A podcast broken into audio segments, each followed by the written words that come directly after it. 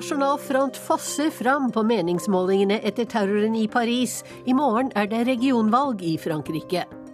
Lufta i Beijing blir bare bedre og bedre, sier miljømyndighetene. Byens innbyggere har hostet og harket seg gjennom rekordtjukk smog. Velgerne i Venezuela kan gi Chávez-avtakeren Maduro en skikkelig nesestyver, mens ledende republikanere i USA frykter at Donald Trump virkelig blir deres presidentkandidat. Og korrespondentbrevet er rett og slett en kjærlighetserklæring fra Guri Nordstrøm. Dette er Urix på lørdag. Jeg heter Wenche Eriksen. Vi starter i Frankrike, der det høyre-radikale partiet Nasjonal Front kan gjøre et brakvalg i morgen i første runde av valget i 13 regioner. Siden terrorangrepet for tre uker siden har partiet klatret på meningsmålingene, og resultatet kan få konsekvenser også for presidentvalget om halvannet år. It is historical. It will uh, prove that uh, the Front National can win a political election. So it's a, it's a huge test. It's a huge test for the Front National. Elles ont un truc particulier, les gonzesses d'extrême gauche, elles sont hystériques. Marine Le Pen kaller venstresiden hysterisk når de roper etter henne. Lederen for Nasjonal Front er vant til å bli møtt med voldsomme protester i valgkampen, som her i regionen der hun selv stiller som kandidat. Mens noen skriker ut at hun må fjernes, har andre håp for hennes politiske fremtid. Professor ved universitetet i Brussel, Nicolas Boichet, mener valget kan befeste Nasjonal Fronts stilling i Frankrike. So this will show uh, that they manage a region like any other party. Det høyreradikale partiet har tidligere fått ordførere i enkelte byer, men aldri vunnet et regionsvalg. Nå mener eksperter at de kan bli største parti i opp mot seks av de 13 regionene. Der Marine Le Pen stiller som kandidat, i Norpas de Calais-Picardie, får partiet rundt 44% av stemmene i første valgomgang, ifølge meningsmålinger. I sør, i Provence Côte d'Azur, ligger de an å få like mye. Der har 25 år gamle Marion Marichelle Le Pen tatt over kandidaturet etter at bestefaren og partigrunnlegger Jean-Marie Le Pen ble kastet ut av partiet for sine antisemittiske holdninger.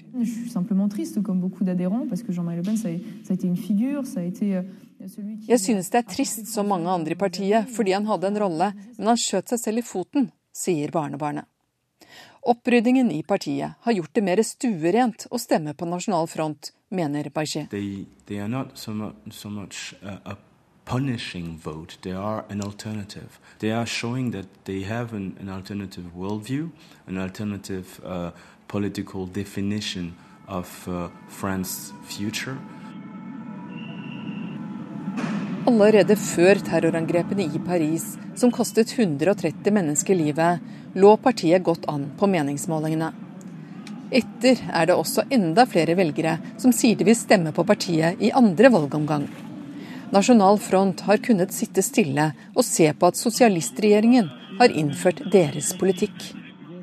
They really are the originals on immigration and, and fighting uh, religious rad radicalization.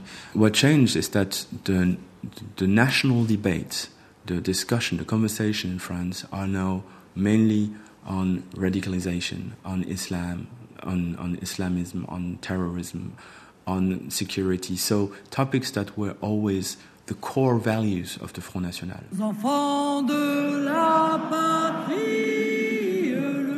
Marine Le Pen favner også om franske verdier som klinger godt hos mange i utrygge tider.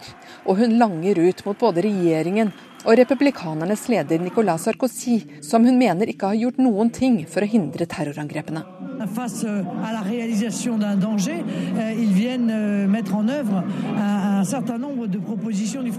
Først nå har de innsett faren og innført noen av våre forslag, men de skulle ha gjort det for lenge siden. Men problemet er at de ikke klarer å se det store bildet, sa Le Pen til velgerne i Lille. Men også sosialistpartiet ligger godt an i valget mens tidligere president Nicolas Sarkozy kan bli svekket. Det kan gjøre det vanskeligere for ham å bli presidentkandidat for republikanerne. If uh, probably have to change his strategy, and uh, and that will show probably to the party that he's perhaps not the right man and, uh, for this job. Marine Le Pen ser også fremover.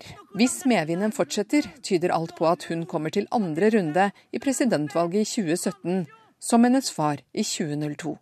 Og det kan skje selv om de skulle gjøre en dårlig jobb i regionene. It will become an historic election, and it will be very I mean, strategically interesting for them because they, they will not have to prove anything on the national level. Because, of course, if they're in region, regions, it's not there where you can really make a change on uh, the securitarian agenda, for instance, or on immigration. So, even while they would win some regions, uh, they would show that they are now uh, normalized as a political party, but they will not have to immediately to show that they change everything in France. Vive la République française et vive la France! Det var eh, korrespondent Åse Marit Befring som rapporterte. Andre valgrunde i regionvalget er 13.12., altså neste søndag. Når vi først er i Frankrike, tar vi turen innom klimatoppmøtet i Paris, som nå er halvveis. Etter den store åpningen med stats- og regjeringssjefer har forhandlerne jobbet på spreng for å forklare en tekst som kan overleveres det franske presidentskapet. Og det skal etter planen skje i dag. Reporter Eivind Molde, du følger dette møtet i Paris. Er alt i rute? Det er nok ikke helt i rute, for som tradisjonen er på disse møtene, så går det, går det, sakte. Men det kan hende at det skjer i løpet av dagen. Eh, det var forhandlinger fram til klokka 21 i går kveld, men det har vært møte gjennom hele natta for å få alt klart. Eh, veka vi har bak oss, kort oppsummert, eh, er sånn. Forhandlingsdokumentet var mandag på 54 sider. Nå er forslaget til avtaletekst på 38. Det var 1700 klammeparenteser, altså ting som måtte avklares i dette dokumentet. Nå er det, nesten, nå er det halvert til 891, så det går eh, framover. Eh, det som det jobber med i natt og blir jobba med videre i dag, er altså et tilleggsdokument som oppsummerer alt som partene er usamde om. Og det skal, eh, som du sa, overleveres sammen med utkastet til avtaletekst til det franske presidentskapet i løpet av denne dagen. Da tar eh, presidenten for konferansen, utenriksminister Laurent Fabius, over. Og det er han som styrer prosessen videre. Og Hva er det de fortsatt er uenige om? Det som har skjedd, er jo at de har uh, tydeligvis uh, fått unna en del av de enkle tinga som er blitt avklart. Men problemet er jo at svært mange vanskelige punkt gjenstår. Det handler bl.a. om fordeling av ansvar mellom rike og fattige land kompensasjon til fattige land for skader de er påført som følge av klimaendringene. Her er det jo store forventninger til at de rike landene skal stille opp. Eh, og så er det ikke minst òg eh, uklart eh, hvordan de skal få på plass et system for å sjekke hva landene gjør i praksis når det gjelder kutt i sine utslipp. 185 land har levert inn sine planer i forkant av dette klimatoppmøtet. Men eh, det hjelper jo ikke å love ting dersom disse kutta ikke blir gjennomført eh, i praksis. Så det skal altså komme på plass et system for å overvåke dette, eller for å kikke landene i korta, slik at en kan følge med på om de helt løfter sine. Eh, nå er vi altså halvveis i denne konferansen. Hva skjer videre nå? I morgen på søndag da er det forhandlingsfri, slik tradisjonen er. Mandag klokka ti. Da er den såkalte høgnivådelen i gang her. Da tar ministrene over etter ei uke med forhandlerne i aksjon. Og så fredag ettermiddag, da skal eh, verden ha fått en ny global eh, klimaavtale. Det er iallfall målet. Men for at det skal skje, så må veldig mange brikker falle på plass i løpet av den veka vi har framfor oss.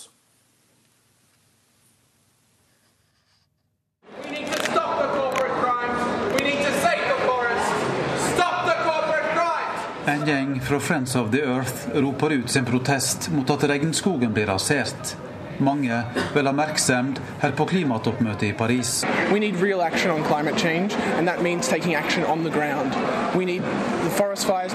Vi er på Le Bourget, på en flyplass rundt 10 km nordøst for Paris sentrum. Her skal over 40 000 mennesker oppholde seg denne og neste uke. Og går alt slik planen er, vil verden ha fått en ny global klimaavtale fredag i neste uke. Jesaja Kipiegon fra Kenya representerer Det internasjonale kirkens nødhjelp, ACT Alliance, med aktivitet i 140 land. Talk no action no and uh. Det er bare prat. Ingen vil forplikte seg verken til å hjelpe fattige land med å tilpasse seg klimaendringene eller å kutte i utslipp, sier han. I mean, I come from Africa and I live in Kenya, and in many ways, the things that I see often is that people are being affected by climate change every day. You can talk about the droughts in Kenya, you can talk about the droughts in uh, uh, Ethiopia, in Eritrea, in the greater part of my region. Jeg ser effekten av klimaendringene hver eneste dag. Når våre ledere kommer hit, forventer vi at de handler, sier Jesaja Kipjegon. So there is, there seems to be um, conversations in two. Klimaforhandlingene er kjent for å gå sakte. Noe av årsaka er den gamle inndelinga av rike og fattige land, sier norsk forhandlingsleder Aslak Brun. Det er et veldig stort problem. Verden stoppet ikke i 1992, men det var da vi lagde rammekonvensjonen for klima. Og Der lagde vi en inndeling i verden i to. De som var OECD-land på den tiden, og alle andre land. Så har vi da eh, land som Singapore, som nå er eh, rikere enn gjennomsnittet i Europa. De er et u-land. Vi har alle oljeprosenten land som er veldig rike. Og vi har også land som var u-land en gang, som Chile, som nå er et OECD-land. Men de er fremdeles u-land i denne sammenhengen vi snakker her. Og hva med Kina og India? Kina og India er jo begge et helt annet sted enn de var i 1992. En kjempeutvikling. Og de står jo da også for en mye større andel av de globale utslippene. Kina alene står for en fjerdedel av alle utslipp i verden nå, og de må selvfølgelig være med å kutte på lang sikt dersom vi skal klare å begrense oppvarmingen i verden. So when the USA and European Union and countries like Norway that are rich and have a lot of resources fail to take adequate responsibility, or when they expect Malawi and Ethiopia and Bangladesh to take the equal responsibility En kan ikke vente at alle skal bidra like mye. Det er rett og slett et tillitsbrudd mellom rike og fattige, sier Jesaja Kipiegon. Han mener at klimatoppmøter i FN-regi slett ikke er noen fullgod løsning. It is not a well-functioning arena, but it is the only arena that allows smaller countries and poorer countries to sit around the table. This is not G8 or G7 or G20, where big countries sit and decide what happens in the world. So it works in the in the in, in the way that it allows everybody and poor countries to participate, but it is weak in the sense that it remains a talk show. And at the end of the day, it is a battle and a conversation between the strong and the poor, and often the poor fails. Ja, og samtidig som eh, klimakonferansen startet i Paris, så satte den kinesiske hovedstaden en dyster forurensningsrekord i starten av denne uken. Og mens eh, Beijings innbyggere er bekymret over lufta de puster inn, så mener byens miljømyndighet at lufta bare blir bedre og bedre. 这个情况 嗯，作为我个人，我好像是，呃，能力不大，我只能是尽我自己的努力。Det er ikke så mye vi kan gjøre, sukket fru Sang da vi traff henne ute i de tåkelagte gatene her i starten av uken.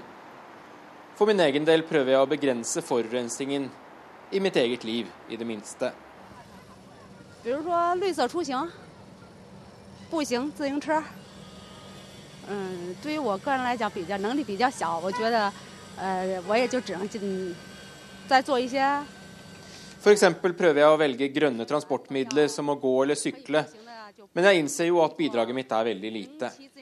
Jeg tror myndighetene må spisse propagandaen enda mer for å få folk til å la bilen stå, mener hun der hun står og venter på bussen langs Beijings andre ringvei. Forurensning som Beijing opplevde mandag og tirsdag i denne uken, er litt som med snø. Du kan lese om snø og se bilder av den på TV, men for en som aldri har opplevd, tatt på og vært midt i et snøvær, så er det likevel en aha-opplevelse når du ser snø for første gang. Slik er det med forurensningen her også. Det er vanskelig å sette helt ord akkurat på hvordan den oppleves. Og bildene som vi tar og sender hjem, der sola er en rød ring oppe bak alt kullstøvet, det gir selvfølgelig et inntrykk, men kan likevel ikke helt fange opplevelsen. Mens grenseverdiene til Verdens helseorganisasjon er en konsentrasjon på 25 mikrogram partikler i luften, var det utenfor vinduet mitt her i Beijing rundt 680 mikrogram mandag og tirsdag.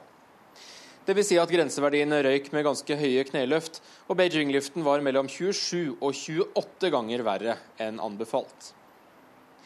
Beijings miljøvernbyrå opptar et helt stort bygg her i byen, og der er Liang Wen-yue visedirektør for Kontoret for luftforurensning. 我们的北京市实际上这个大气污染治理是从一九 九八年就已经开始了，一九九八年就已经开始了。实际上到现在的话，也是经过了。Kampen vår mot forurensningen startet allerede i 1998. Og de mer enn ti årene som har gått og vår jevne innsats, har gjort at Beijings luftkvalitet nå viser jevn forbedring, hevder hun. Riktignok ble 2013 utpekt som det verste året rent forurensningsmessig, så lenge noen her kan huske. 应该是截止到 Status ved slutten av august er at mer enn 160 dager i år hadde blå himmel, ifølge Liang Wenyue. Vel å merke målt etter Kinas grenseverdier, som er tre ganger høyere enn i resten av verden. Sagt på en annen måte, det ville blitt en nyhetssak i Norge om lufta i Oslo var så dårlig som det Beijings miljømyndigheter kaller en blå himmeldag.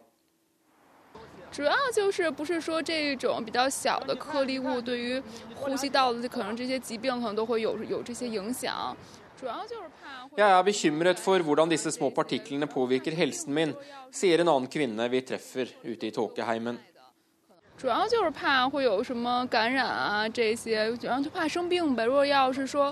Jeg er redd for å bli syk. Om denne forurensningen ikke var farlig, ville du ikke sett så mange som går med maske. Men hva mer kan jeg gjøre for å beskytte meg?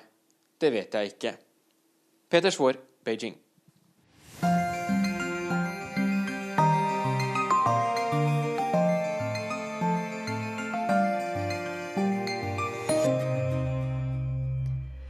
Hele det internasjonale pressekorpset i Moskva ble hasteinnkalt til en pressekonferanse i Forsvarsdepartementets nye operative senter på onsdag.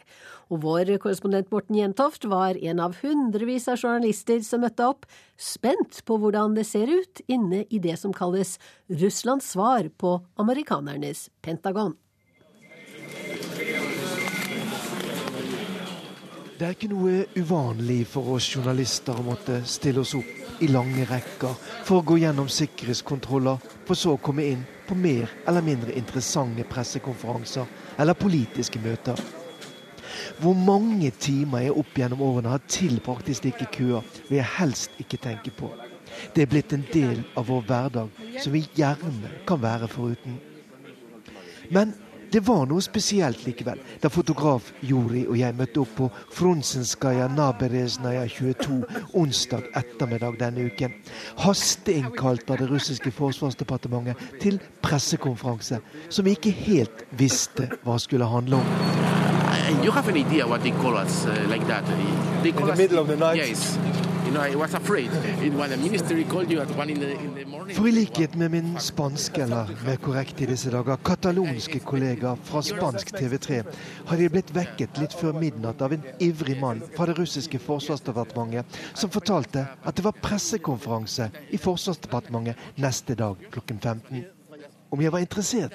Selvfølgelig hadde jeg svart i halvsøvne før jeg la meg til å sove videre, bare for å bli vekket en knapp time seinere fra en annen og like ivrig, men tross alt vennlig mann som ville ha pass og akkrediteringsopplysninger til meg og Jori. Og selvfølgelig ble jeg nysgjerrig, som min katalonske journalistkollega, om hva dette var for noe. Var det en invitasjon bare til norske eller nordisk presse om militære trusler i nord? da det etter noen telefoner onsdag morgen viste seg at dette var en stort anlagt pressekonferanse, ikke bare for oss korrespondenter, men også for forsvarsattachéene fra utenlandske ambassader i Moskva, forsto jeg raskt at dette måtte handle om Syria. Добрый день. Добрый день. Проходите, пожалуйста. Хорошо.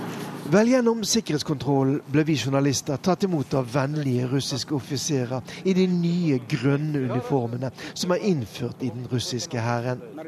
Rundt den store bygningen som står ferdig i 1951, og opprinnelig var de russiske landstridskreftenes hovedkvarter, patruljerte soldater med hjelmer og maskinpistoler. Alt så ryddig og nyoppusset ut. Ikke så rart heller. Dette er altså det nye operative hovedkvarteret til hele det russiske forsvaret. Og her har det vært investert milliarder av rubler de siste årene for å vise at det russiske forsvaret nå er en stormakt verdig. Mens vi ble fulgt inn i bakgården, tenkte jeg på hvordan det var her på slutten av 1990-tallet. Da jeg bodde i dette området, litt lenger oppe langs Moskva-elven, og ofte gikk forbi den store og dystre bygningen med tung sovjetarkitektur. Det hendte det av og til at unge soldater kom smygende ut fra noen av dørene og rett og slett ba om mat eller litt penger. Så ille var situasjonen i det russiske forsvaret i årene på slutten av tidligere president Boris Jeltsins regjeringsperiode at det i mange avdelinger rett og slett var mangel på mat. Og det er altså her midt i den russiske hovedstaden. Nå er det altså helt annerledes. Inne i det store pressesenteret ble vi journalister høflig vist plass av en liten uniformert kvinne med et usedvanlig langt hår. I det stadig mer profesjonaliserte russiske forsvaret er det i ferd med å bli plass for flere og flere kvinner, selv om denne prosessen nok bare er i startfasen. Så var vi i gang. Igor Konasjenko, som etter hvert er blitt et kjent ansikt for TV-seere over hele verden, som den som forteller om suksessfull russisk bombing i Syria, ønsker oss velkommen. Og snart overtar Anatolij Antonov, viseforsvarsminister og tidligere kjent russisk diplomat, som har deltatt under mange internasjonale forhandlinger, bl.a. om nedrustning. Terrorisme uten penger er en zver uten zubber. Men som de fleste nå har fått med seg, nå rettes oppmerksomheten og skytset mot Tyrkia. Et land som for bare få uker tilbake stort sett ble omtalt i positive vendinger her i Russland. Som et Nato-land det går an å drive business med. Men det var før nedskytingen av det russiske Su-24-jagerflyet på grensen mellom Syria og Tyrkia 24.11. Nå er alt som smaker av Tyrkia, uglesett her i Russland, og ordbruken er så hatsk at man kan bli redd av mindre. Og nå var det altså for å fortelle oss om hvordan Tyrkia, og ikke minst ledelsen i landet, med president Tajib Erdogan i spissen, beriker seg på oljehandel med den islamske staten. Det russiske forsvarsdepartementet hadde skremt meg og det internasjonale pressekorpset midt på natten. Og vi var altså ikke så vanskelig å lokke. Og nå har altså jeg fått se hvordan det ser ut i denne mektige bygningen til det russiske forsvarets operative senter. Der altså soldater for bare 18 år siden kom ut for å tigge om mat. Russland i 2015 har så definitivt sluttet å stå med luen i hånden.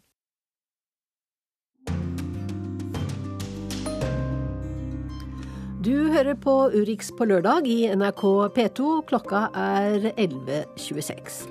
Og bli med oss videre, for vi kan tilby både Donald Trump og Frank Sinatra og en kjærlighetserklæring fra vår Berlin-korrespondent.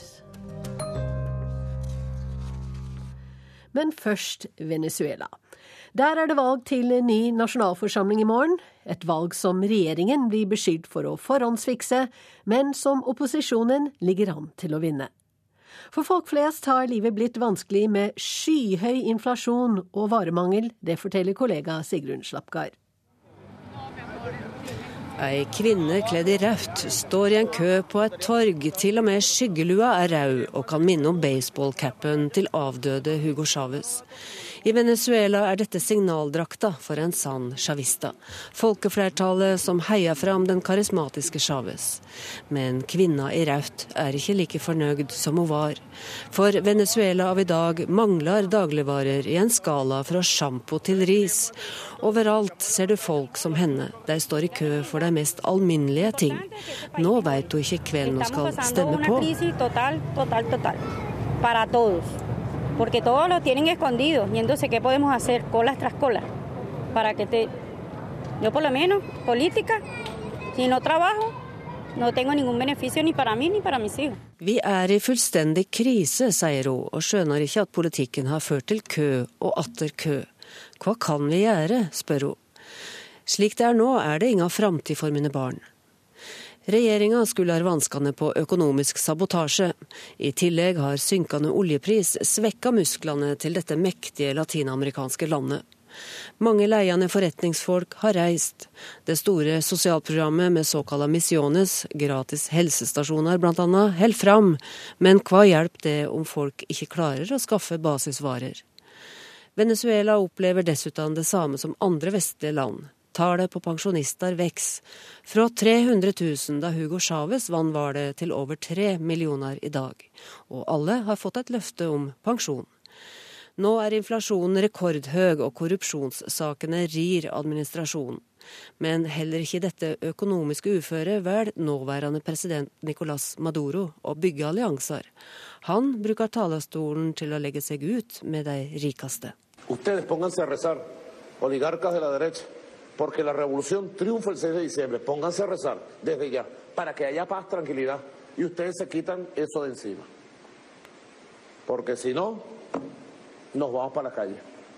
Y en las calles nosotros somos candela con burrundanga. Er du en høyreorientert oligark, bør du begynne å be, dundrer Maduro i vei. I rød baseballjakke med hvite striper, og ikke i nærleiken av å minne om sin forgjenger Chávez. Revolusjonen vil holde fram, lover Maduro, og de rike bør be tynt om fred. For om det ikke blir valgseier, vil folket ta til gatene, sier han. Han får det til å høres som en trussel. Gatene skal bli som en brølende flamme, er orda han bruker. Og hva betyr nå dette, undrer analytikerne. Gir Maduro signal om at de ikke vil godta et valgnederlag?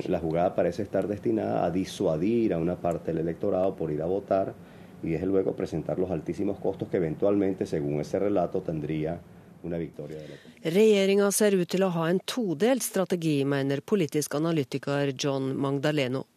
Det ene er å avskrekke fra å stemme på opposisjonen, og det andre er å vise til den høye kostnaden dersom opposisjonen skulle vinne. Men de fleste meningsmålingene tyder på at folk vil ha et skifte, det er liten tvil hos eksperten.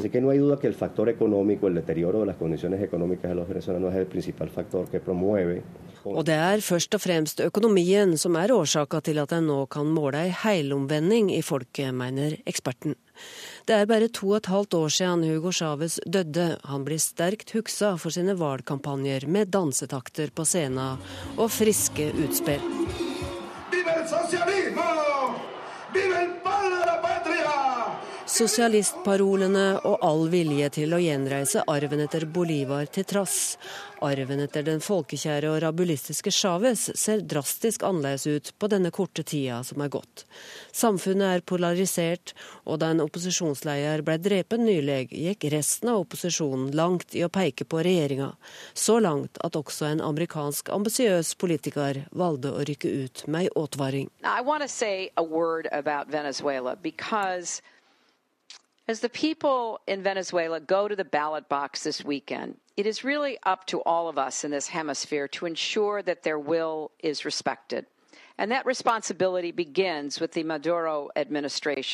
Hillary Clinton hevder at Maduro-regjeringa går langt i å fikse valet på førehånd, at de fengsler opposisjonsmedlemmer, og hun legger indirekte ansvaret på regjeringa for drapet av den 44 år gamle opposisjonskandidaten Luis Diaz. Dette er utsagn som ikke blir tatt godt imot av de som har jubla for Chávez sine utfall mot det han kaller djevelen i Nord-Amerika. Ja, Benedicte Bull, professor i statsvitenskap ved Senter for utvikling og miljø ved Universitetet i Oslo. Velkommen til studio. Tusen takk. Beskyldninger om valgfiksing og en president som truer med gateuro eh, hvis eh, det ikke går hans vei i valget. Hva sier det om situasjonen i Venezuela? Venezuela er i en dyp krise. Det er både en økonomisk, politisk, sosial og ikke minst sikkerhetsmessig krise. Og jeg tenker det sier mye om desperasjonen som folk føler, eh, og som regjeringen eh, gir uttrykk for.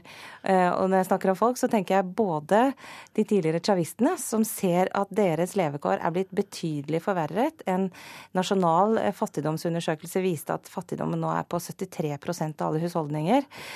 Men som samtidig har en identitet som sier dem at de ikke stemmer på opposisjonen. Eh, og det er jo en desperasjon hos eh, myndighetene eh, og regjeringen som ser at de kan vinne det første valget nei, tape unnskyld, det første valget eh, siden, eh, omtrent siden 1999. De har altså bare tapt eh, én folkeavstemning siden det. Og egentlig ikke har noen gode strategier for å styre innenfor et demokratisk eh, system med et eh, mindretall i Kongressen. Hva tror du kommer til å skje? Hva kommer Maduro til å gjøre hvis han taper? Det kommer jo helt an på, for Maduro står jo ikke på valg. Dette er et parlamentsvalg. Det er 87 mm. plasser i parlament... Nei, unnskyld. 87 eh, valgkretser som skal velge Det er enmannskretser og tomannskretser og tremannskretser. Det er et veldig sånn komplisert system, så det er egentlig veldig vanskelig å vite eh, hvor stort nederlaget blir, eller hvor stort flertall opposisjonen vil kunne komme til å få i, i parlamentet, hvis, hvis, de da får et flertall. Hvis de får et simpelt flertall, kan de få gjennom noe. De kan bl.a sikre amnesti til en del fengslede opposisjonsledere.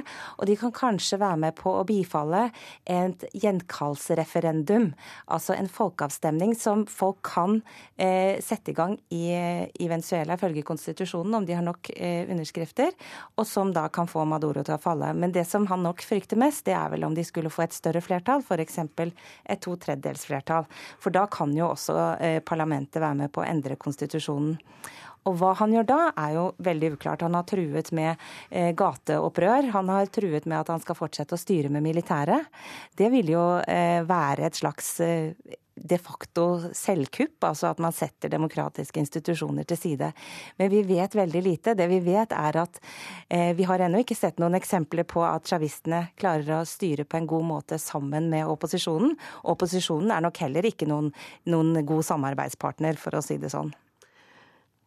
Er det oljeprisen og eh, den økonomiske krisen som er 100% skyld i den situasjonen som er oppstått nå, eller er han en dårlig leder? Jeg tenker det er flere ting. Det er oljeprisen. Det er 95% av alle dollarinntekter til Venezuela er oljerelatert, og oljeprisen har sunket som en stein. Og de er jo også veldig avhengig av disse pengene i statskassen fordi de har igangsatt omfattende sosiale programmer. Maduro har vært en, en, en, ganske svak leder som har prøvd å styre ved å skape motsetninger mellom sine støttespillere for å slippe å bli dolket i ryggen, for å si det litt enkelt. Men jeg tenker vi må jo også se at det er en politikk som begynte lenge før Maduro, som nok ville ført til en krise uansett på et eller annet tidspunkt. Eh, økonomisk eh, politikk med sterk valutakontroll, med etter hvert sterke priskontroller for å unngå inflasjon i et system som produserer ekstremt lite varer, men som blir pumpet full av oljepenger. Eh, det er jo en oppskrift på en måte på katastrofe på lang sikt uansett. Og i tillegg til en veldig konflikt, sånn konfliktøkende lederstil og en omfattende klientilisme, altså at man, man, man stoler bare på de som er, man er i familie med eller har tette bånd til, som har ført til en, en, ny form for sosial eksklusjon i Venezuela, på tross av at man så mange forbedringer, og fremdeles en del forbedringer på sosiale indikatorer.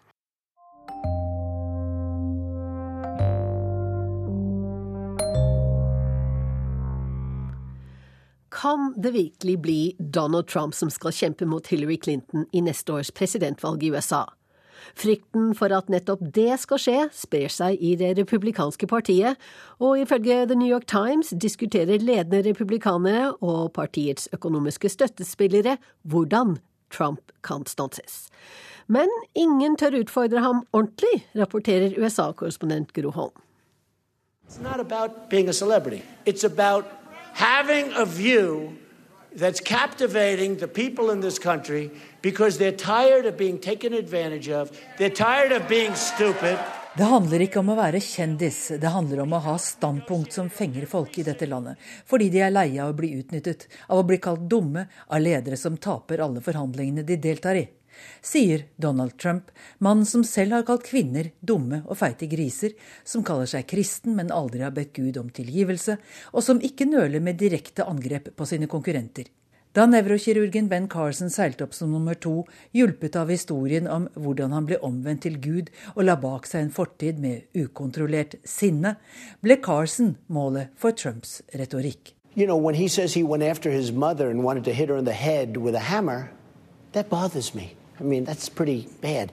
When he says he's pathological, Når han sier at han angrep moren og ville slå henne i hodet med en hammer, bekymrer det meg. Når Carson sier i boka si at han har et patologisk sinne, så er det noe som ikke kan kureres, akkurat som med barnemishandlere, legger Trump til. Men det ser ut til at Trump kan snakke så nedsettende han bare vil om andre, uten at det får negative konsekvenser på meningsmålingene. På de siste fire landsomfattende målingene leder Trump fortsatt med en margin på gjennomsnittlig 13,3% Carson er fortsatt nummer to, men synker kraftig, mens senatorene Marco Rubio og Ted Cruz ligger omtrent likt. Irritasjonen over Trumps ledelse er i ferd med å gå over i panikk blant ledende republikanere og bidragsytere, skrev The New York Times tidligere denne uka. De tror rett og slett det er umulig å slå Hillary Clinton med Trump som republikansk utfordrer. I flere måneder nå har meningsmålingene vist at Clinton vinner med stor margin hvis Trump er motkandidat. En av grunnene er at to tredeler av USAs kvinner og tre av fire ikke-hvite velgere misliker Trump. Han er simpelthen ikke valgbar, mener eksperter på demografi og politiske holdninger. Ikke nok med det. De negative holdningene til Trump blant de rundt 70% av republikanske velgere som ikke foretrekker ham, vil smitte over på velgernes holdninger til republikanernes kandidater til Senatet. Kort sagt, de risikerer å miste flertallet i Senatet, tror republikanske ledere i stater som Ohio, Illinois, New Hampshire og Pennsylvania. Det er mange i partiets øverste etablerte sirkler som mener at noe bør gjøres. Men ingen av de mektige finansfolkene som betaler for politiske reklamekampanjer, har så langt vært villige til å starte en anti-Trump-kampanje. For det første evner han å latterliggjøre alle som våger å angripe ham. For det andre kan anti-Trump-reklame komme til å styrke ham blant de mange velgerne som er drittleie av alt som smaker av Washington og politisk elite. Dessuten, mener noen, er det en fare for at Ted Cruz tar Trumps velgere og Trumps lederplass. Erkekonservative senator Cruz var arkitekten bak budsjettkrisa og stengingen av statlige institusjoner høsten 2013 en politikk som bidro til at Kongressen har enda mindre tillit i befolkningen enn presidenten. Cruz selv tyr til bordbønn og familie i en av sine valgkampvideoer. Father, thank you for this day. Thank you for this food. And thank you for our precious girls. Thank you for Catherine and Caroline. Ingen er i tvil om Cruz sin gudstro, men han blir oppfattet som splittende og egosentrert av partiets ledelse. Dessuten, det er Marco Rubio som vinner alle målinger, som spør velgere uavhengig av parti om hvem de ville stemme på dersom presidentvalget var i morgen. Clinton eller de ulike republikanske kandidatene. Da er Rubio nærmere seier enn noen annen republikansk presidentkandidat, også Trump. Ja, på en av de siste målingene vinner Clinton med fattige 1% mot Rubio, som spiller hemningsløst på sin ungdom. This election is a generational choice about what direction our country will take. For over two centuries, each generation of Americans has chosen to do what it takes to make America a special country. Dette valget er et generasjonsvalg om hvilken retning landet skal ta, sier 44-åringen Marco Rubio, selv om han er bare sju måneder yngre enn konkurrenten Cruz. Begge er sønner av cubanske innvandrere, men Rubio oppfattes som mer innvandrervennlig og mindre konfliktskapende. Kan det bli han som seiler opp som Trumps fremste utfordrer når nominasjonsmøtene og primærvalgene starter i februar? Akkurat nå klatrer han på målingene. Men de skal en ikke tro for mye på så tidlig, mener statistikeren, valganalytikeren og bloggeren Nate Silver. Han tror uansett at det ikke blir Trump. I presidentvalget i 2012 spådde han riktig utfall i samtlige delstater så kanskje engster de seg unødig i den republikanske ledelsen. Om 58 dager er nominasjonssirkuset i gang. Og det skal bli spennende å se hva som skjer da. Vi hørte Michael Rubio snakke om den unge generasjonen i stad, nå om en av det forrige århundrets mest berømte amerikanere. Neste helg er det 100 år siden Francis Albert Sinatra ble født i Hoboken i New Jersey. Ladies and gentlemen, Frank Sinatra. Han ble kalt The Voice, og det var først og fremst stemmen. Her i et opptak fra hans spede begynnelse med The Hoboken Four da han var 20 år. My teeth are pearly, and they also have pearly teeth. Just because Hoboken ligger på New Jersey-siden av Hudson River. I dag med en fantastisk utsikt til Manhattans skyline. Der det tidligere var et yrende og tøft bryggemiljø, er det i dag gangveier og benker, friområder og parkanlegg. Blant annet ett som bærer hans navn. There is a park and that's called Sinatra Park and it's right by the river. It's on Sinatra Drive. Tora Chand er frivillig på det beskjedne Hoboken Historical Museum. Der har de for tiden en Frank Sinatra 100 år-utstilling. Fri for all kritikk om hans mafiaforbindelser og det utsvevende livet med vennene i det såkalte Rat Pack. Ingen referanser til hans politiske dealings and wheelings med og på vegne av Kennedy-brødrene. Han hadde kontakter i alle miljøer og kjente folk med innflytelse og makt. Men på utstillingen i Hoboken er det ingen tvil. Der var, og ikke minst er han, fremdeles the local kid. Right, well, he's a son of Hoboken, born here. Um, lived at, uh, the family, some of the family I understand still come back to town from time to time. Familien var italiensk. Hoboken var preget av italienske innvandrere. Og Frank Uansett om han hadde flyttet, bodde i Hollywood eller opptrådt i Las Vegas, Hoboken var referansepunktet. I et intervju med Larry King i 1988 innrømmet han at han fremdeles var gutten fra Hoboken, og kjempestolt av at The Kid var blitt verdensberømt. The kid from Hoboken is internationally known. Does that uh, flip you? Does that ever flip you? Oh, sure, sure. I mean, I'm, I'm delighted, you know. I'm, I'm delighted. Well, when I, we go, uh, if uh, if uh, uh, we go, Bob and I go on a vacation. Let's say we go into France, and we walk and go to some shopping and this, and people stop, and in their own language, you know, they, I hear them talking about me, and we turn around, we smile, and they smile, and, and they timidly want to shake hands, and we shake hands, and it's a kick. It really is a marvelous feeling. It's wonderful. Han ble kalt Old Blue Eyes, hadde utstråling og karisma, temperament og talent. Han spilte med de beste, Tommy Dorsey og Count Basie, danset og sang med de største, Gene Kelly og Bing Crosby.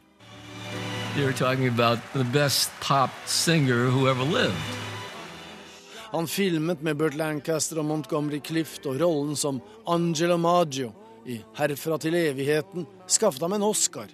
Han var tiltenkt hovedrollen i den senere legendariske filmen 'Storbyhavn'. Den handler om bryggesjauerne i Hoboken og ble tatt opp der. Men han tapte rollen som Terry Malloy til Marlon Brando. Sinatra ble rasende, men kom sterkt tilbake.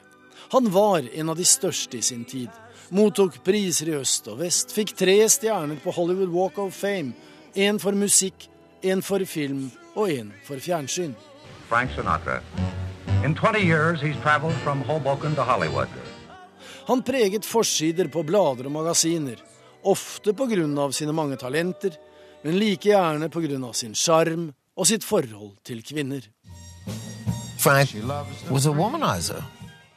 Han var gift fire ganger, og i tillegg en gang forlovet med Laureen Bacall, som så og hørte mer enn den forførende sangstemmen.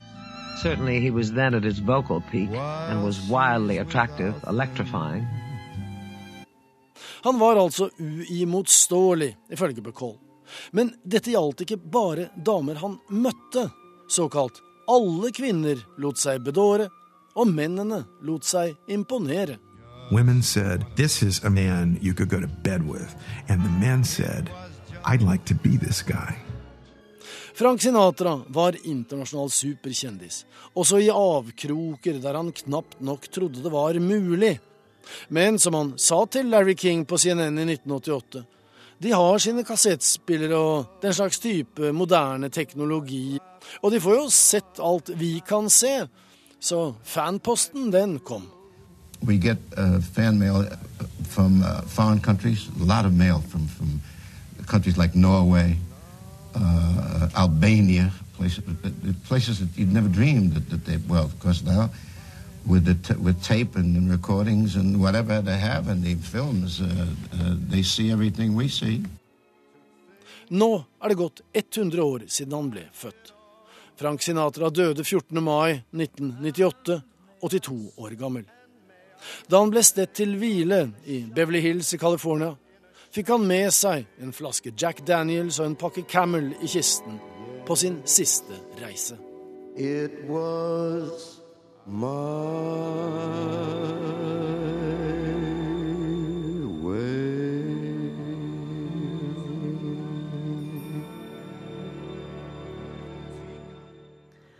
Og det var eh, Johan Ho Larsen som hadde laget denne saken.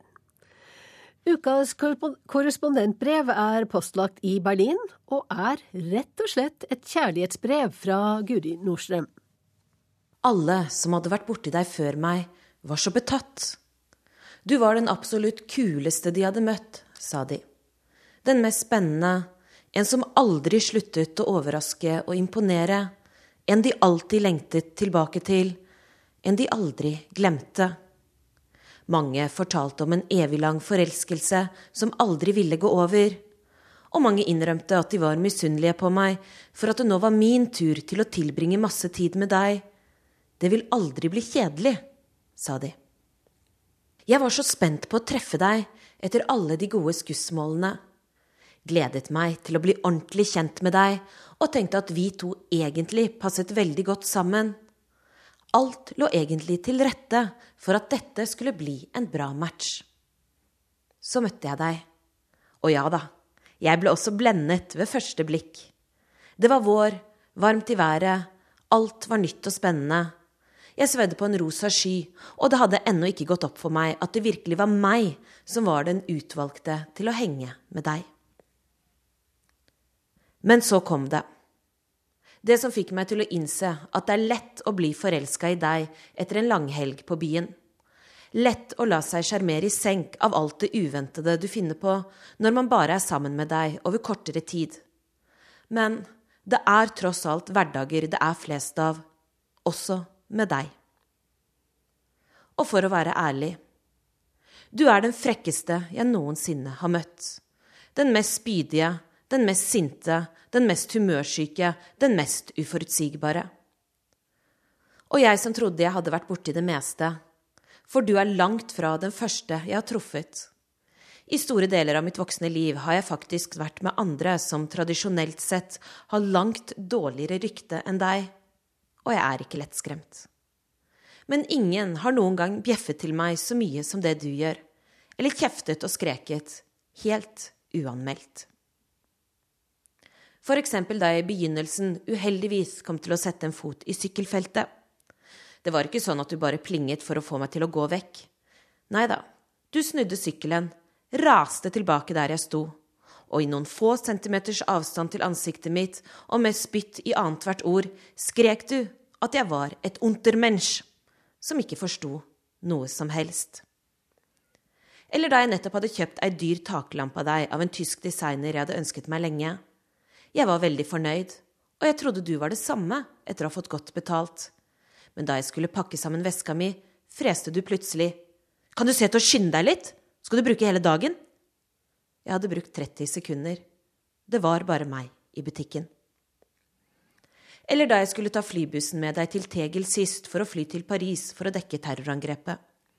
Jeg visste det ville bli tøffe arbeidsdager foran meg, og da er trikset å forsøke å slappe av når man har en lomme av mulighet så jeg satte meg ned i bussetet med høretelefonene på og forsøkte å slumre litt. Plutselig blir jeg vekket av et brøl over høyttaleren i bussen. Jeg tar av meg hodetelefonene og spør forskrekket hun som sitter ved siden av meg, om hva som skjer. Det var en syklist som lå litt for nær bussen, forteller hun. Syklisten var for lengst passert. Det gikk bra. Men fra høyttaleren gjallet banneordene fortsatt ut i hele fem minutter til. Hvis jeg bare rekker flyet, er det greit, tenkte jeg, og satte på Er det ikke deilig å ha noen å hate? med Raga Rockers på Spotify. For jeg begynner å bli vant til dine luner på akkurat denne strekningen, som jeg tar ganske ofte. Som for eksempel da en stakkars turist kom på og spurte hvor lang tid bussen bruker til flyplassen. Det vil i hvert fall ta lang tid hvis alle skal stille det samme idiotiske spørsmålet som du gjør, var svaret. Vel, dette er noen eksempler på der du kjefter direkte. Og tross alt vil det i disse tilfellene alltid være mulig for meg å kjefte litt tilbake. Hvis jeg er kjapp nok i replikken, vel å merke. Men som oftest blir jeg bare stående igjen og måpe over at det finnes sånne som deg.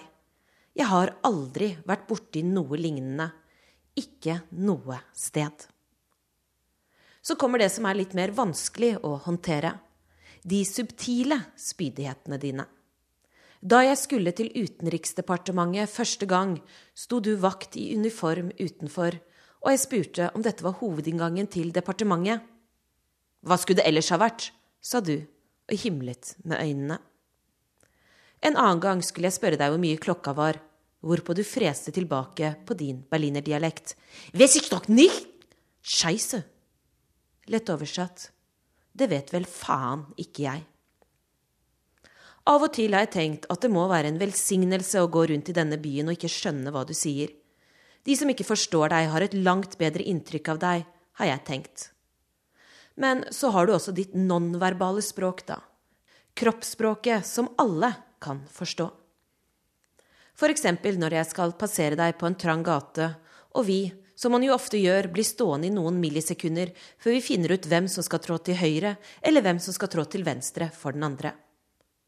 Da slår du deg til skallen, rister på hodet, stønner høyt og viser med all tydelighet at du tenker at du nettopp har møtt tidenes idiot. Og du pirker borti alt, som selvoppnevnt politi. Hvis jeg filmer på gata og kommer du bort, har jeg kanskje fått lov til å filme der? spør du. Ja da, det har jeg. Vis meg tillatelsen, sier du da. Jeg viser tillatelsen. Folk her liker ikke at du gjør det likevel, sier du og lar ikke muligheten gå fra deg til å kjefte litt til, selv om tillatelsene du ba om, er i skjønneste orden. For du stoler ikke på noen. Du er livredd for å oppgi persondetaljer. Og registreringer, bekreftelser og akkrediteringer kan du aldri få nok av. Og det skal være rett stempel på rett sted, ellers er det bakerst i køen igjen. Tilliten til andre er på et bunnivå, og jeg forsøker å forstå deg, du har en ufattelig grusom historie i årene. To terrorregimer på rappen. Regimer der din nærmeste venn og nabo kunne vise seg å være din verste fiende og angiver. Jeg skjønner jo at sånt setter spor. Men du er ikke den eneste som har hatt det sånn. Det forklarer ikke sinnet ditt fullt ut. Så jeg har forsøkt å spørre både deg og de som kjenner deg godt, hvorfor du er sånn. For jeg er jo hele veien åpen for at det er meg og ikke deg. At det er jeg som er for nærtagende, selvfølgelig, og ikke forstår deg godt nok. Selv forklarer du oppførselen din med berliner schnause. Sier deg humoren din, at den er litt røff. Humor? Jeg spurte ei som hadde levd tett med deg i tolv år. Hun sier hun fortsatt blir like overrasket hver gang du kommer med dine utbrudd. At hun hver gang tenker at neste gang skal jeg bite tilbake men at hun aldri får det til, fordi det skjer like uventet hver eneste gang. Ifølge lykkeundersøkelser så scorer de som bor i Berlin og Brandenburg mye lavere enn resten av Tyskland, sier hun. Kanskje er det det som er årsaken? Og jo, ifølge den såkalte lykkeundersøkelsen ligger Berlin på 14. plass, mens Brandenburg ligger på siste. Ja, kanskje er det noe med det. For hva gjør de som ikke har det så godt med seg selv? De kjefter. Det er enkel psykologi. Uten studiepoeng. Det er mer sinne her enn i Midtøsten, jo, ler min israelske fotograf. Han har også nettopp blitt kjent med deg, og vi slutter aldri å overraskes over hvor hissig du kan bli, f.eks. i bytrafikken. Jo da, vi ler litt av deg innimellom og tar deg som du er.